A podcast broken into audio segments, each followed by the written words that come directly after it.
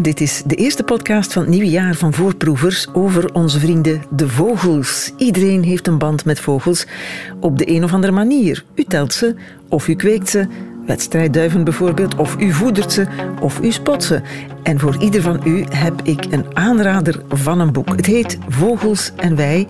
En het is geschreven door de Britse hoogleraar gedragsecologie en wetenschapsgeschiedenis Tim Burkhead. Geen Birdhead, Tim Burkhead met een K. En hij verweeft wetenschap met geschiedenis en dat maakt zijn boek uniek en zalig. En nog zaliger is het feit dat een Vlaamse gedragsecoloog en bioloog, Hans van Dijk, het voor ons gelezen heeft. Van Dijk is ook professor natuurbehoud aan de Universiteit van Louvain-la-Neuve en is ook zelf auteur van boeken zoals Het orakel van de bosnimf, dat gaat over vlinders en mensen, maar nu dus over vogels en wij. Van Dijk. Dag mevrouw Peters. Eerst iets over die ondertitel. 12.000 jaar gemeenschappelijke geschiedenis. 12.000 jaar, dan begint hij uh, 10.000 jaar voor Christus. Hè? Ja. Ik ben ook goed, ja, ja, hè? goed, ja, ja, helemaal. Uh, mensen zijn ouder dan dat en vogels zijn ook ouder dan dat. In Jurassic Park vliegen ook vogels rond. Vogels zijn inderdaad is een verhaal van miljoenen jaren. Uh, maar het is niet toevallig dat hij die 12.000 jaar neemt. Dat is beschaving, wat we dan ergens zetten als... Ergens moet je dat punt zetten van waar begint dan die moderne mens wat zich anders te gedragen dan wat we doorsnee vinden bij al die andere levensvormen, die we ook wel zijn en blijven, maar dan ja, zeg maar dat verhaal en vaak vanuit geschiedenis kijken we vaak wat neer op die oermens, dat is simpel, dat is een half beest. Maar niks is minder waar natuurlijk, omdat we daar niet altijd sporen van terugvinden. Maar Burkhead begint mooi in een Zuid-Spaanse grot waar niet alleen mammoeten en buffels worden teruggevonden, maar heel veel vogels, silhouetten van vogels. Dat is raar, hè? want als je aan zo'n grotten denkt, die van Altamira bijvoorbeeld, ja. dan denk je effectief aan bizons. Lascaux, ja. ja, ja. Maar hier staan vogels in en niet weinig. Nee, en heel wat verschillende soorten. En het mooie, het is niet alleen figuratief. Als kenners gaan kijken in die grot, want hij heeft ze bezocht, dan zie je, kan je ook de soorten herkennen. En dat is mooi en bijzonder, want er waren vooral heel wat moerasvogels. Verschillende soorten reigers, ibissen, voor de mensen de freaks. En dat is bijzonder, want de omgeving nu van die grot is een relatief droog landbouwgebied en helemaal geen moerasgebied. Het is dus eigenlijk ook een, een tijdsdocument dat documenteert van welke dieren men daar wel kon, kon vinden. De klimaatopwarming was nog niet begonnen. Het was nog Niet alleen klimaatverandering, maar ook de mens. Hè. Landverandering, ja, ja. landgebruik, landbouw. Want 12.000 ja. jaar zien we na een paar duizend jaar. Hè. Afhankelijk van waar in Europa, bij ons... Wat is dat dan? 7000, 8000 jaar begint landbouw bij ons ook. En veranderen landschappen heel ingrijpend. Het zijn grotten in Andalusië. Ja. De Cueva del... Kun jij dat uitspreken? Nee, mijn Spaans is misschien... Tajo de las Figuras. Ik vind dat al goed. Gaan biologiestudenten daar naar kijken? Ben jij daar ook geweest? Ik ben er niet geweest. Want dat is een essentieel ding toch in de kennis van de biologie? Ik weet niet of dat essentieel is. Ik, ik zou mijn studenten sowieso aanraden om dit boek te lezen, sowieso. Om het zelf te bezoeken is zeker een bijzondere bonus. Ik denk dat men toch wel een aantal van die grotten... Één, het is niet makkelijk om erin te raken, want je moet toch wel wat klauterwerk doen. Het is niet de grotten van Han waar je zomaar met dat trapje in kan. Het is geen toeristische attractie, voor zover ik begrijp. Het zou wel bijzonder zijn om ze te zien. En ik denk dat het wel iets heeft van als je dat ziet en je ziet daar die natuur en cultuur samenkomen... Want dat gaat over mensen die kijken naar vogels. Dat, zijn, dat waren geen gedragsbiologen, maar ze hadden wel nut en zin om ze te begrijpen, die dieren. Als je een jager-verzamelaar bent, helpt het om dieren te begrijpen.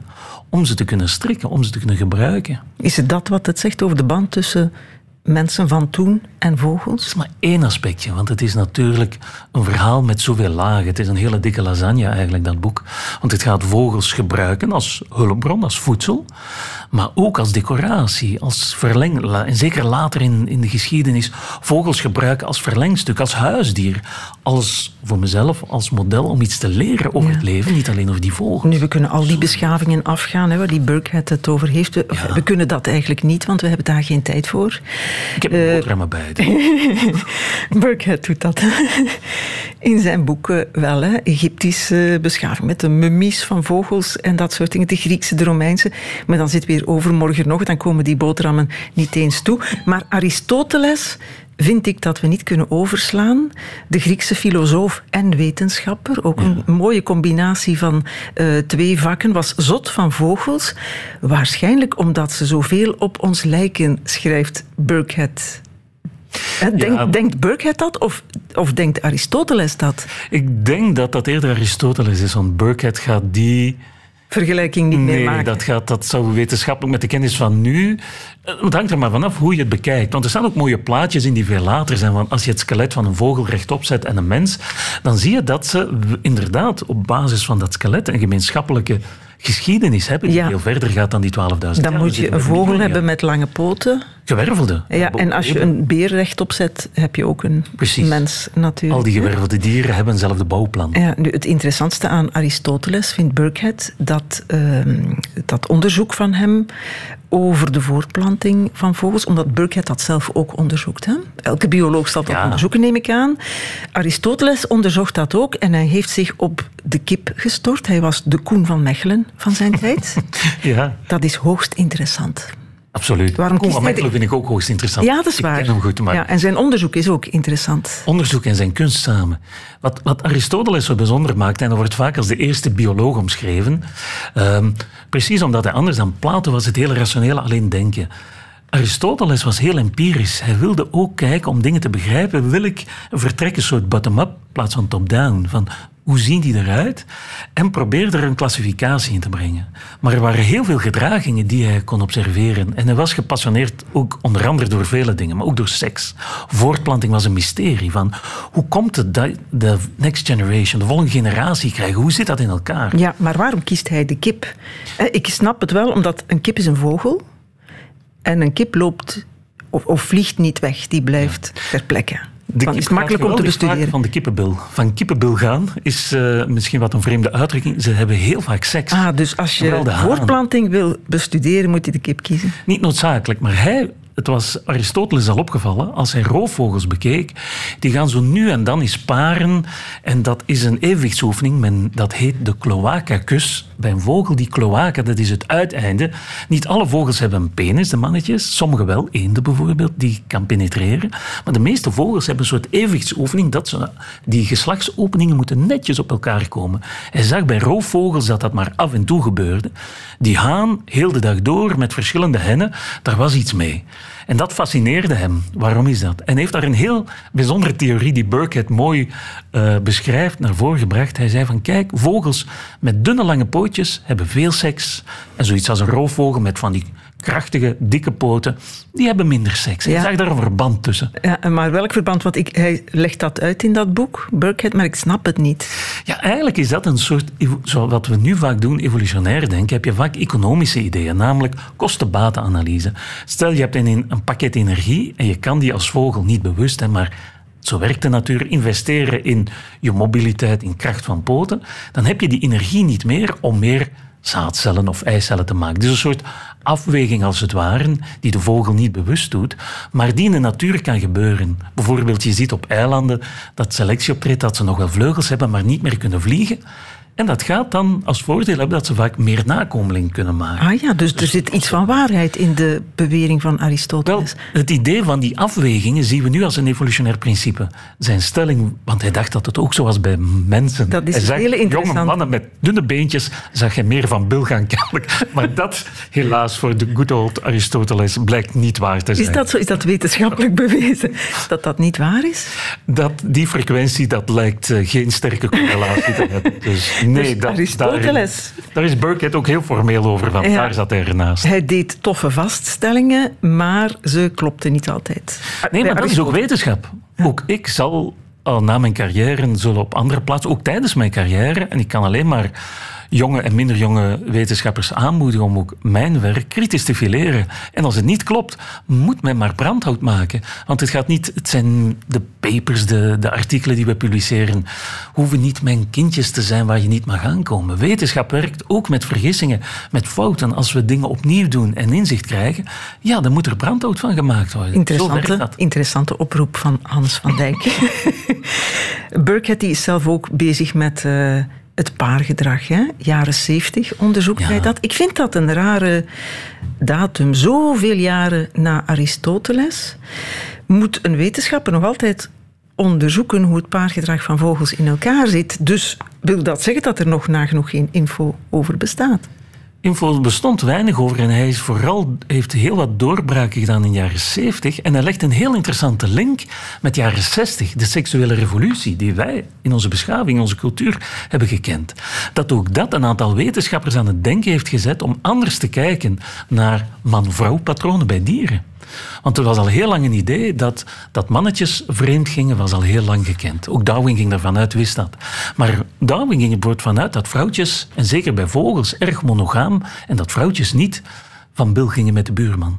Maar in de jaren zeventig, door, en Burkett heeft daar pionierswerk in gedaan, hij werd eigenlijk geprikkeld, en dat vind ik zo mooi. Ik heb er pas nog in, ik schrijf zo nog eens voor EOS, en ik vond het zo mooi dat ik het ook daarin verwerkt heb. Wetenschap over strontvliegen, zowaar. Geen vogels, geen vlinders, maar strontvliegen. Een Britse wetenschapper, Geoff Parker, deed fantastisch werk over hoe die mannetjes hun vrouwtjes bewaren, een soort levende kuisheidsgordel spelen als ze op die vliegen zitten na de paring. En dat werd onderzocht en je zag dat er eigenlijk de competitie niet stopt wanneer een mannetje en een vrouwtje paart. Daarvoor is er competitie tussen de mannetjes, tussen de vrouwtjes. Maar als er gepaard wordt, is het verhaal niet over. Tenminste, als het vrouwtje met meerdere mannetjes paart, heb je sperma van verschillende mannetjes. En hij noemde dat sperma-competitie. En dat klinkt dan wat lachwekkend, van och, daar zijn de biologen. Maar dat heeft een heel nieuwe dynamiek op gang gebracht, die heel wat van het gedrag van dieren en ook mensen een heel nieuw inzicht heeft gekregen van hoe werkt dat. En dat daar heel wat dynamiek, die, dat romantische beeld van ja, de vogeltjes en de bloemetjes en de bijtjes, kreeg vanaf de jaren zeventig een heel nieuwe dimensie. Interessant. En dat allemaal dankzij de hippies. Flower power, maar het ging tot bij de vogels. Eh, power wetenschap. Ja. Wat die Aristoteles beschrijft, hè, is dat, noem je dat wetenschap?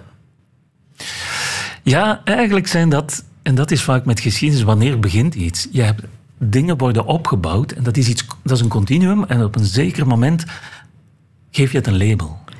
Dat is een fundamenteel probleem waar we in de biologie heel vaak mee worstelen. Denk aan een soort. Wanneer is een soort een soort? Want wij hebben gemeenschappelijke afkomst met vogels. We hebben gemeenschappelijke afkomst met andere aapachtigen. Dat is nog wat recenter.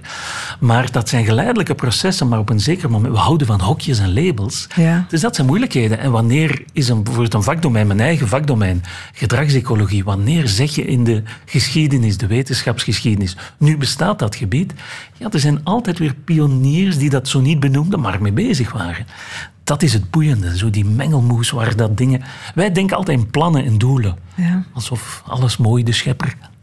Nee, vaak groeien die dingen chaotisch onderuit. En als je terugkijkt, lijkt dat een mooi plan en verhaal. Ik ga dan zo meteen een paar stapjes maken richting de wetenschap. Zonder in het hok wetenschap meteen definitief terecht te weg komen. met het hokjes Ja. Goed, oké. Voorproevers. We zaten nog bij het giswerk, mag ik niet zeggen, hè, van Aristoteles. Het waarnemen, het optekenen, het aantekenen. Een basis voor de wetenschap, maar niet de gehele basis. Zo zeg ik het. Goed, wanneer wordt of komt vogels bestuderen een beetje dichter bij de wetenschap? Moeten we dan naar Renaissance? Leonardo Ja, want- da Vinci? Ja, je ziet toch eigenlijk vooral in die renaissance... Want Aristoteles is verrassend lang een soort bron geweest, zou bijna zeggen bijbel voor wetenschappelijke kennis en ook biologische kennis. Even een kikker, ook al gaat het over vogels. Dat is ook natuur, biologie. Ja, het is allemaal biologie. Ik lijk nog niet helemaal weg te zijn, maar excuseer. Zal ik even een vraag stellen? Of ik zal iets interessants zeggen uit het boek. Ja, over Da Vinci, die heel veel notities maakt, hè, waar Burkett zich ook op gestort heeft en waar hij ehm, veel informatie uit haalt. In, eh, notities die allemaal interessant zijn, zelfs to-do-lijstjes van Ja, Da Vinci, waarop onder andere staat, waarom is de hemel blauw? Hè? Da Vinci neemt zich voor om dat uit te zoeken. Hoe werken de zwempoten van een gans? Hoe vliegen vogels? En het meest intrigerende to-do-ding, de tong van de specht beschrijven. ja. Is de kikker weg? De kikker is helemaal weg, natuurlijk. Hè. Die is al lang eh, gaan zwemmen met zijn zwemvliezen. Maar ja, dat is toch prachtig, de spechtentong. En ik moet zeggen, ook als kind was ik gefascineerd. Ik had dan die vele boeken waarin, en dan zag je tekeningen van die spechtentong. Die kan vier keer zo lang zijn als de bek van de specht die al flink een, een soort bijtel is om te hameren. En als je gaat dissecteren, zie je die spechtentong die krult tot achter de hersenen. Want die, moet, die mag je niet altijd uitbengelen natuurlijk. Die moet dienst doen om larven in dat hout te vinden. En dat zijn zo van die dingen. Da Vinci, kunstenaar, wetenschap, die dingen horen allemaal samen. Bijna een productontwikkelaar die wil kijken hoe zit dat en kan ik er iets mee aanvangen. En heeft hij die conclusie getrokken?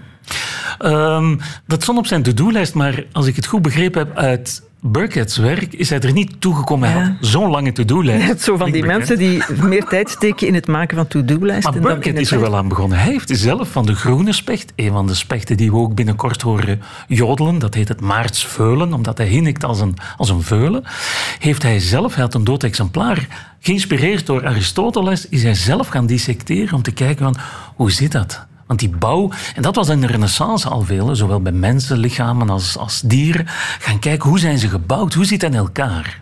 In eerste instantie om de schepper te bejubelen, om te kijken van hoe knap zit dat toch allemaal in elkaar, die natuur. Ja, wat mij ook opvalt als uh, Burkhead de, de stappen in de wetenschap beschrijft van mensen die encyclopedieën schrijven en zo over vogels, hoe, uh, hoe groot de rol van God toch nog altijd is in het voornemen om die boeken te schrijven. Je hebt het eh, verhaal van Francis Willoughby en John Ray. Ik noem geen onbekende namen voor jou. Nee, de fantastische meneer Willoughby heeft Burkett trouwens een apart boek over geschreven, omdat hij zo indrukwekkend is. En John Ray ook.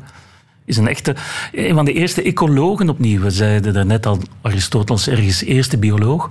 Maar dit duo uh, zijn indrukwekkend. Wat, zij probeerden een heel inventaris te maken van het leven.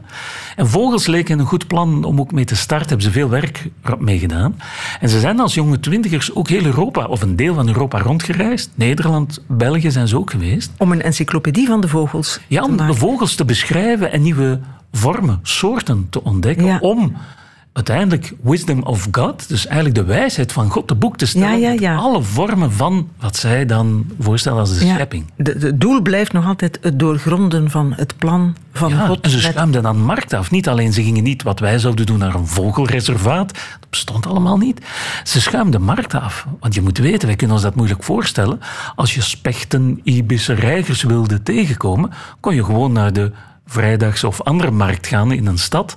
En die lagen er allemaal. Dat werd Dood of levend? Allebei. Je kon ze hout snippen, spechten, draaihalzen, dat zijn ook een soort specht. Je vond dat allemaal op de markt, dat werd allemaal gegeten. En rijkelijke buffetten met, met speciale vogelsoorten. Al die dingen werden... Er werden ook mooie boeken over gemaakt. Hoe die dingen smaken. En of de vogels lustopwekkend waren, dan wel geschikt voor bepaalde kwalen. Zeg eens. Ja, dat is heerlijk. Dat, is eigenlijk, dat heet de signatuurleer.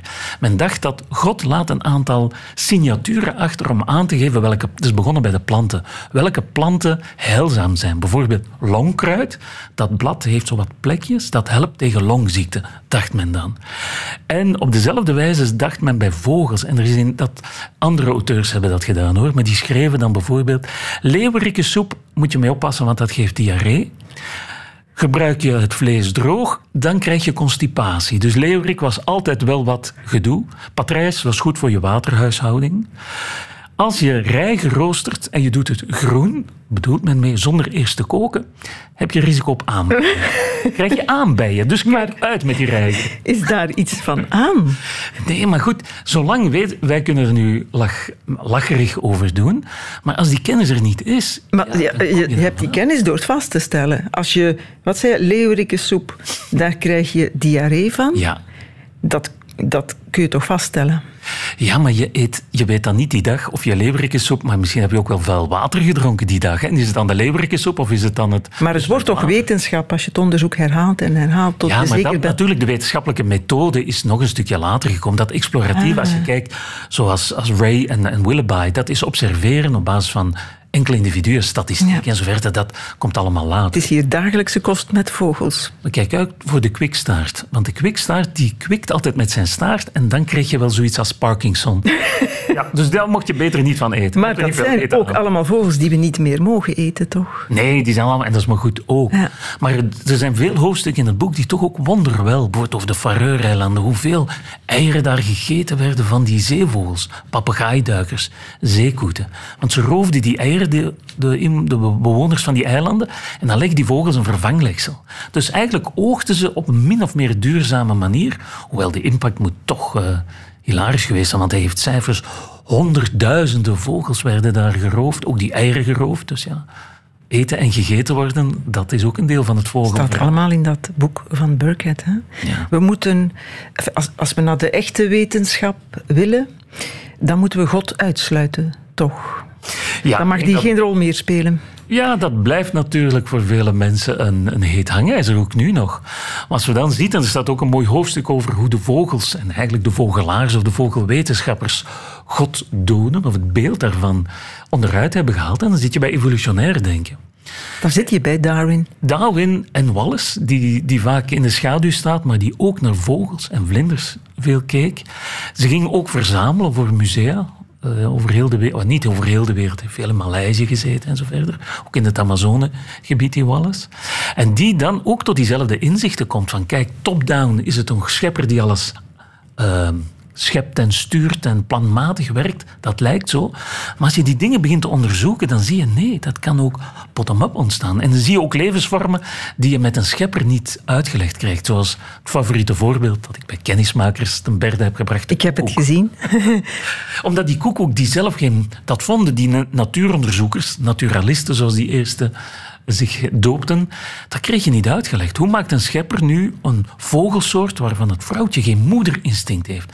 Dat vonden ze niet rijmen op een schepper, een goede schepper. Dus dan zie je dat die eerste barsten komen. Maar als dan een solide theorie, want Darwin was natuurlijk niet de eerste met evolutietheorie, maar wel met een goed mechanisme dat ondertussen al veel getest is en nog altijd de kern als een solide hoeksteen in onze moderne biologie daar staat, hoeveel aanvallen en zo verder. Maar zoals ik daarnet zei, wetenschappers zullen niet liever dan Darwin brandhout maken en hun eigen theorie in de plaats zetten. Maar als het werkt, dan werkt het. Als het een degelijk mhm. conceptueel inzicht is, blijft het overeind. Maar het en dan moet... heb je die God niet nodig. Nee, maar het moet wel verontrustend geweest zijn toch in die begindagen op het moment dat dat verkondigd wordt, dat je dat, begint te lezen. Dat is een ongemakkelijke waarheid. Mhm. En ook nu nog merk ik dat dat ook nog altijd leeft, dat sommige mensen dat lastig vinden om te kunnen nadenken inzichtelijk. Nu, hoe dan ook, veel mensen hebben veel aan religie. Religie haalt het mooiste, maar ook het lelijkste van mensen boven. En als mensen daar veel aan hebben, mij niet gelaten. Maar vanuit een, door een wetenschappelijke bril is het wel fictie. Maar veel fictie kan veel betekenen voor mensen. Ja, en de combinatie kan ook werken. Want ik lees in het boek van Burkhead dat de vrouw van Darwin, Emma, diepgelovig was. dus die moest toch dealen met een man die zei: God heeft hier allemaal niks mee te maken. dat moet toch gestoven hebben in dat huishouden af en toe. Ja, maar Darwin zat er zelf naar verluid ook fel in de knoop daarmee dat het zo lang geduurd heeft om eigenlijk al die inzichten heel duidelijk op papier te stellen. Hij schreef heel veel brieven, hij had al verschillende publicaties, maar zijn echte idee, en wellicht Burkett schrijft er ook over. Wellicht heeft Wallace, die andere naturalist die fel opkeek naar Darwin, die tot hetzelfde idee kwam, hem gepusht. Want hij heeft een heel essay geschreven, een hele verhandeling over natuurlijke selectie, zonder dat Darwin er al over gepubliceerd had. Hij heeft dat opgestuurd en Darwin moet zich dan een Victoriaanse aap uit zijn mouw hebben of uit zijn hoedje hebben geschrokken van hemel, die man heeft exact hetzelfde idee. Min of meer exact. En dat heeft hem dan aangezet, dat was 1858, heeft hij wel aangezet om binnen het jaar dan zijn hele boek, The Origin of Species, toch en snel te schrijven. Opmerkelijk dat in dat evolutionair of revolutionair, het is allebei waar, denken van Darwin vogels een grote rol spelen. Ja, precies omdat vogels zo fraai zijn, dat ook wetenschappers wel eens graag naar fraaie systemen kijken. Want het is niet dat een vogel intrinsiek interessanter is dan een vis, of die strontvlieg van daar straks, of een vlinder. Maar omdat er zoveel naar gekeken wordt, omdat ze ook vanuit de kunsten, men kon ze tekenen, men kon ze verzamelen, men kon ze bewaren, men kon ze in kooien houden, eens je veel kennis hebt, krijg je ook inzichten en vallen de spreekwoordelijke schellen van de ogen. En zeg je, kom je tot nieuwe ideeën. En Darwin zelf, op, op zijn reis met de Beagle, heeft al heel wat verzameld. De Darwin-vinken, die later Darwin-vinken werden benoemd, gaven hem inzicht dat op verschillende eilanden je uit één vorm verschillende vormen kan krijgen. En dat heeft, zijn allemaal puzzelstukken die inderdaad zeer inzichtelijk zijn geweest. Maar ja, wetenschap is er niet om mensen te pleasen. Soms kan dat een waarheid Denk aan klimaatwetenschap, hè? inconvenient truth. Wetenschap kan, hoewel het in het begin startte met een bewieroking van die goddelijke schepper, kom je tot nieuwe inzichten en zeg je, mooi, misschien nuttig voor sommige mensen, maar dat is de fictie. Ja, Dan gaan we verder met non-fictie en dat leidt tot heerlijke spanningen. Ja, en desillusie af en toe, maar altijd en altijd interessant.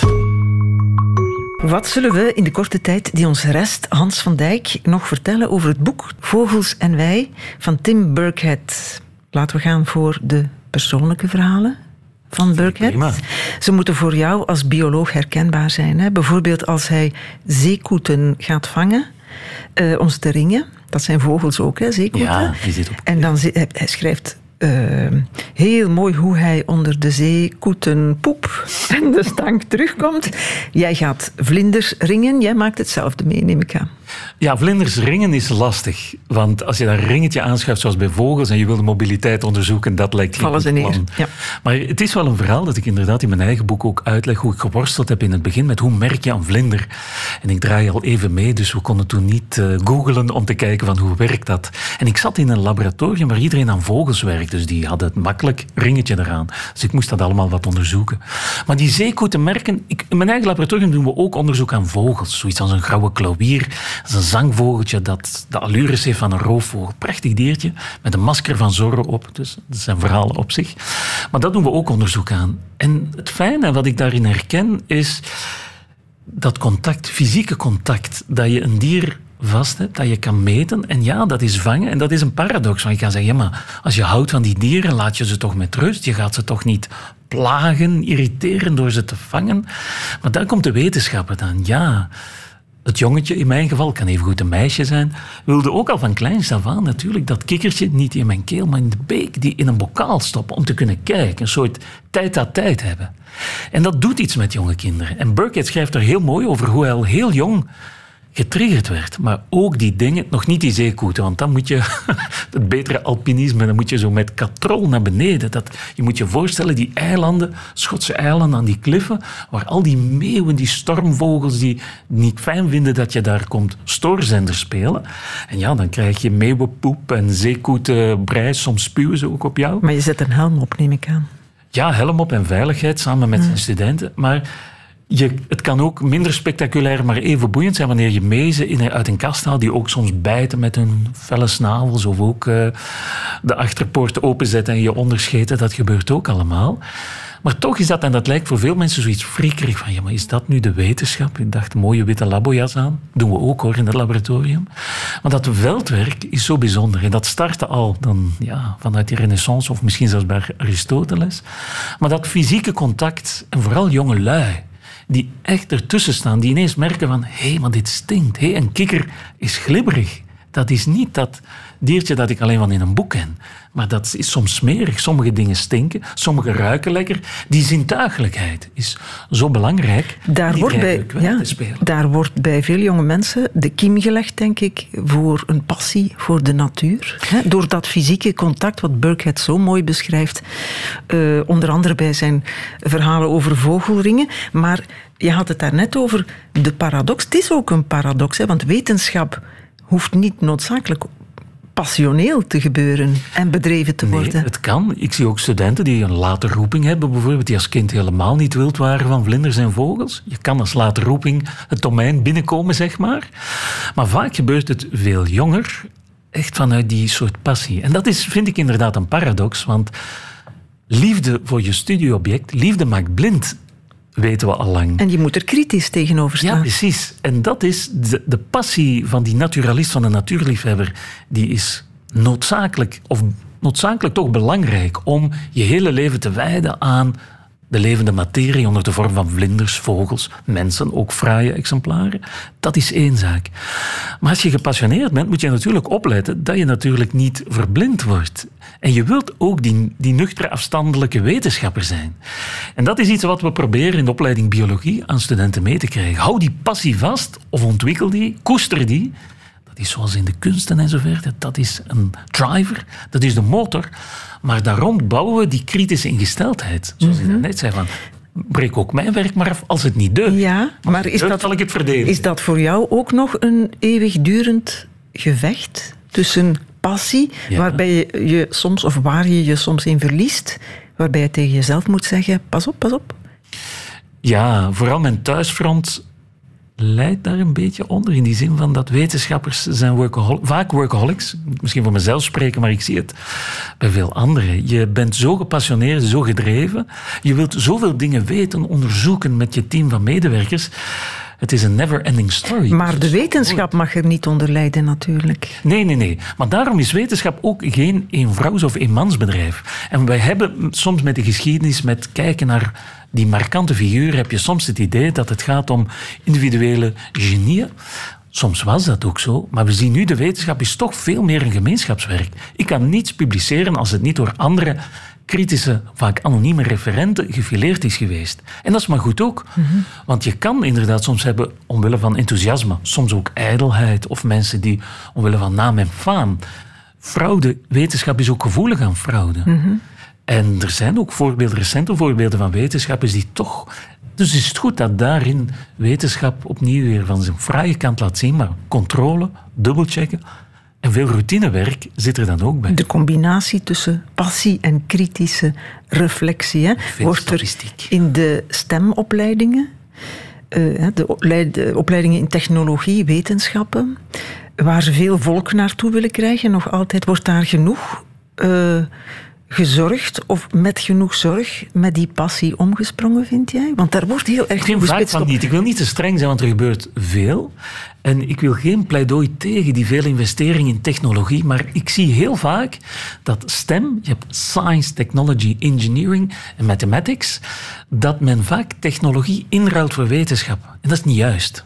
Er is niks mis met technologie. Wij gebruiken heel wat technologie in ons onderzoek, dus ik ben er zeker fan van. Het is ook aantrekkelijk voor kinderen. Ja, een robotarm maken en zo, dat is prima en dat is leuk. Maar je kan ook, wetenschap is ook een manier van denken, een manier van kijken, een manier van zintuigelijkheid beleven. En dat kan je dus ook met een netje en een bokaal in een natuurgebied of in een schooltuin, een vergroende school, is er prima voor. Blijkt trouwens ook belangrijk te zijn voor de gezondheid van jongelui. Dus stemprogramma's, en dan komen we terug bij die leraar van Burkhead. We hebben terug vaker leerkrachten nodig die niet al, al die wijsheid hebben, maar die samen op ontdekking gaan met jongelui en triggeren. En jongelui laten vragen stellen, niet alleen antwoorden, die komen later wel. Laten kijken, vragen stellen, ruiken, dingen vies vinden, leuk vinden zien van hé, hey, die is groter dan die andere, een andere kleur. Die vogelzang. Vogelzang is trouwens een prachtig model om onderzoek te doen over de ontwikkeling van mensentaal in, in neurowetenschap. Dat begint, dat kan in een heide beginnen, dat kan in een bos mm -hmm. of in een stadspark beginnen. En op school, hè? misschien is het een seksistische opmerking, maar misschien ook gewoon feitelijk. Je zou via die focus op natuur, op passie voor dieren, voor natuur, meer meisjes in die stemrichtingen kunnen Treft dat je dat zegt, Annemie, want het klopt. Er is, er is, al onderzoek naar gebeurd. Als je alleen focust op technologie, robotarmen en andere, zie je dat toch een bias, zoals dat in het keurig Nederlands heet, dat je wat een trekt in de richting van jongens. Als je kijkt naar bijvoorbeeld ook vormen van schoonheid, er zijn vogelmotieven die ook in kunst en in mode patronen vindt. Als je vanuit die biomimicry, dus hoe de natuur ons kan inspireren, en dieren in het bijzonder vertrekt, dan zie je dat ook meisjes veel sneller getriggerd worden. Heb je meer een equal balance, dus een gelijk. Meer het bos in. En niet dus leef de vogels en, en niet zo besparen op bosklassen, wou ik er ook nog aan toevoegen. Nee, nee. Enfin, wat een fijn vak, de natuur, en wat een fijn boek, dat van Tim Burkhead genaamd Vogels en wij. Wat een fijne lezer ook van dat boek. Hans van Dijk, dankjewel. Dit was een podcast van Voorproevers, allemaal te vinden op VRT Max. En live lopen we van maandag tot donderdag tussen 6 en 7 en op zaterdagmiddag op Radio 1. Voorproevers.